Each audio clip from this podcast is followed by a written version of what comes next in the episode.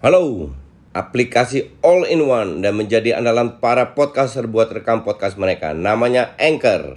Kalian nggak perlu peralatan yang ribet kayak studio kalau mau rekaman. Semua bisa dari smartphone kalian menggunakan Anchor. Anchor bisa kalian download di App Store atau Play Store. Mudah banget kan? Di Anchor kalian nggak hanya bisa ngerekam audio, tapi kalian juga bisa ngedit langsung di sini. Bukan itu aja, Anchor juga dapat mendistribusikan konten kamu ke platform lain, contohnya Spotify, Apple Music, dan lain-lain. Keren kan? Satu aplikasi buat semua kebutuhan. Daripada kalian makin penasaran, mending langsung aja download Anchor sekarang. Oh ya, Anchor ini gratis loh.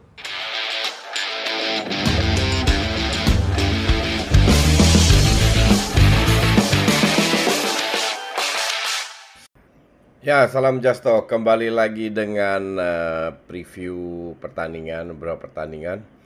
Kita mulai dengan Arsenal dulu. Uh, Arsenal seri 1-1.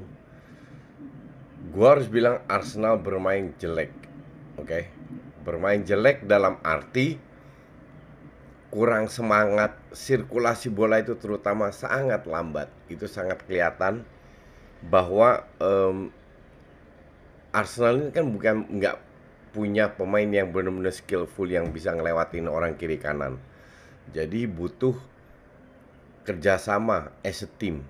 Nah kerjasama itu berdasarkan banyak passing, banyak passing, banyak passing cepat sehingga lawan bisa dilewatin memanfaatkan ruang dengan passing, dengan tarik lawan tutup uh, uh, apa namanya memanfaatkan ruang yang yang diberikan.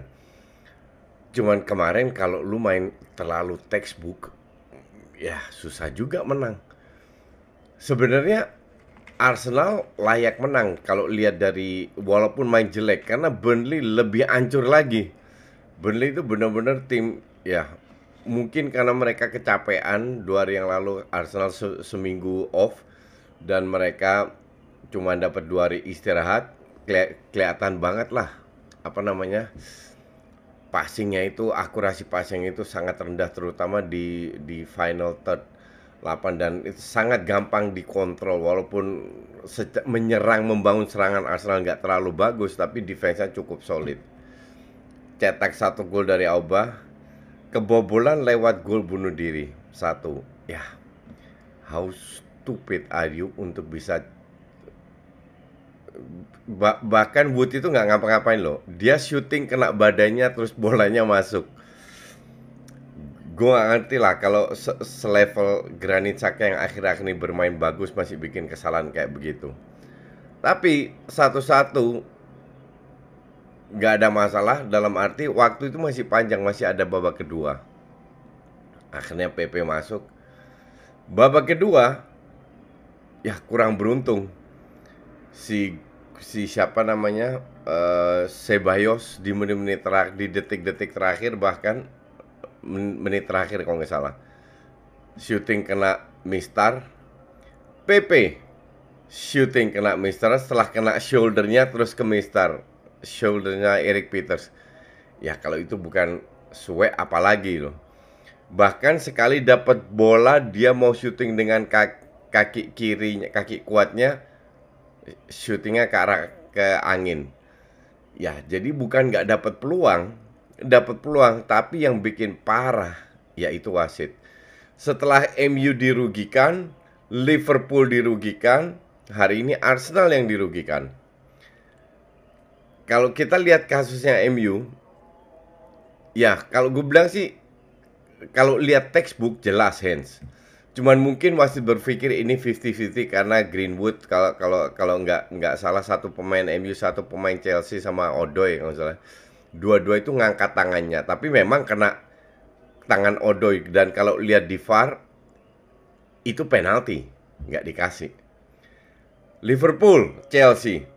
Kante itu tangannya aktif begini. Kena nggak dikasih. Mungkin ya kita ber, kita berpikir positif aja wasit pikir uh, sengaja jadi mau syuting ke arah luar tapi kalau secara aturan itu penalti tadi Eric Peters itu tangannya bener-bener begini loh sama Pepe nge, nge, ngelop bolanya biar melewatin Eric Peters dan benar-benar ditahan begini sama Eric Peters. Sudah dicek VAR sama wasit yang di atas, nggak dikasih penalti. Liga Inggris ini mau ke mana?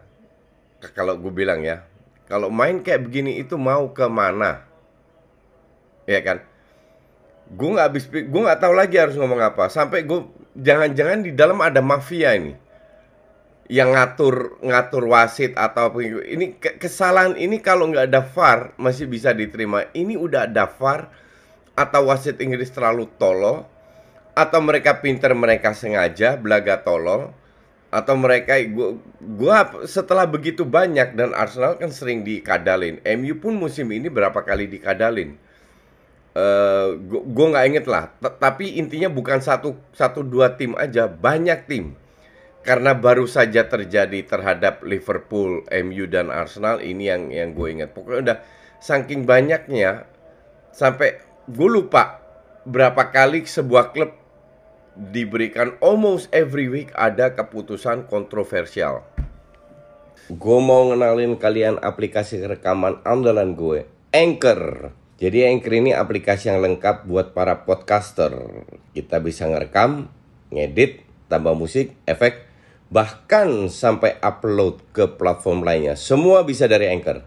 Nah, aplikasi Anchor ini bisa kalian download di App Store atau Play Store. Dan juga di website di www.anchor.fm.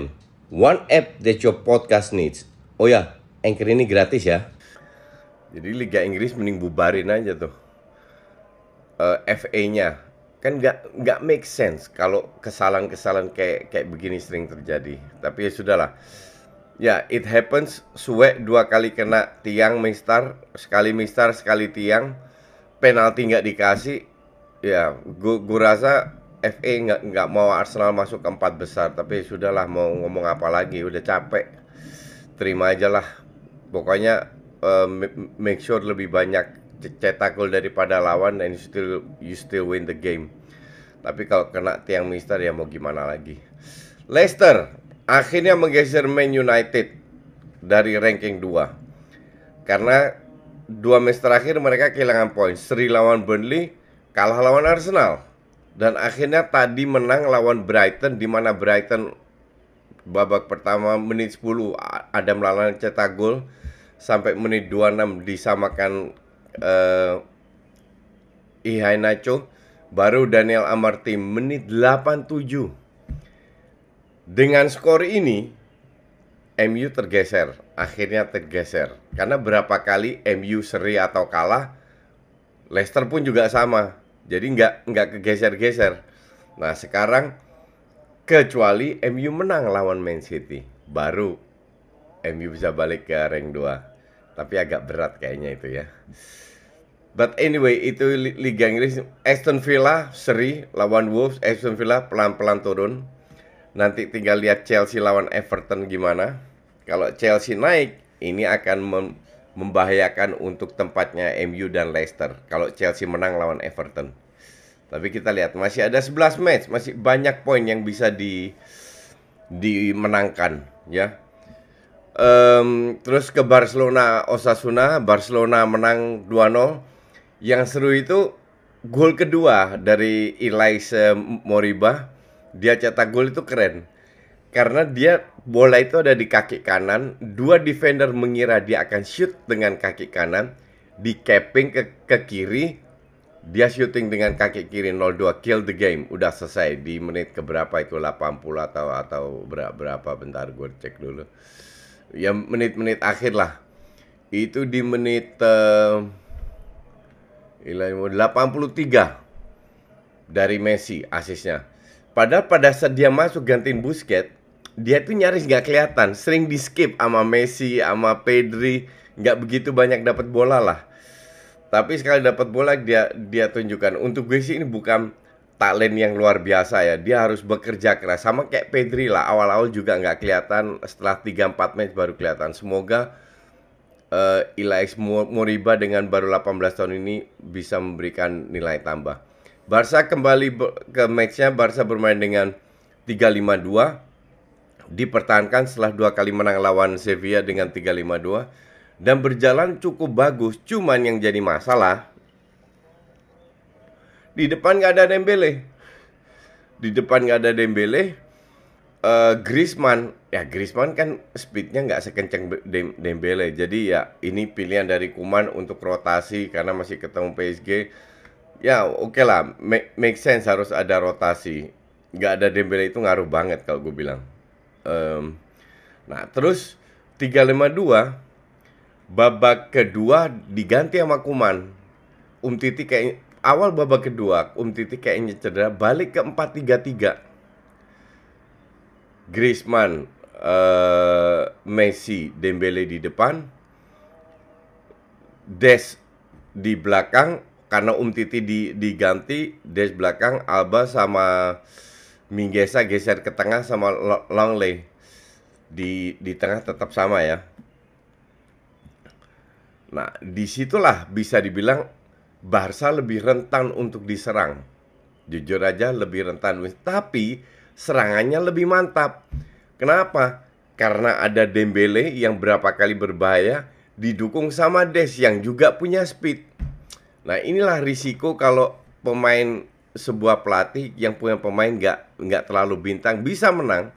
Cuman ada risikonya main 3-5-2 jauh lebih solid di belakang.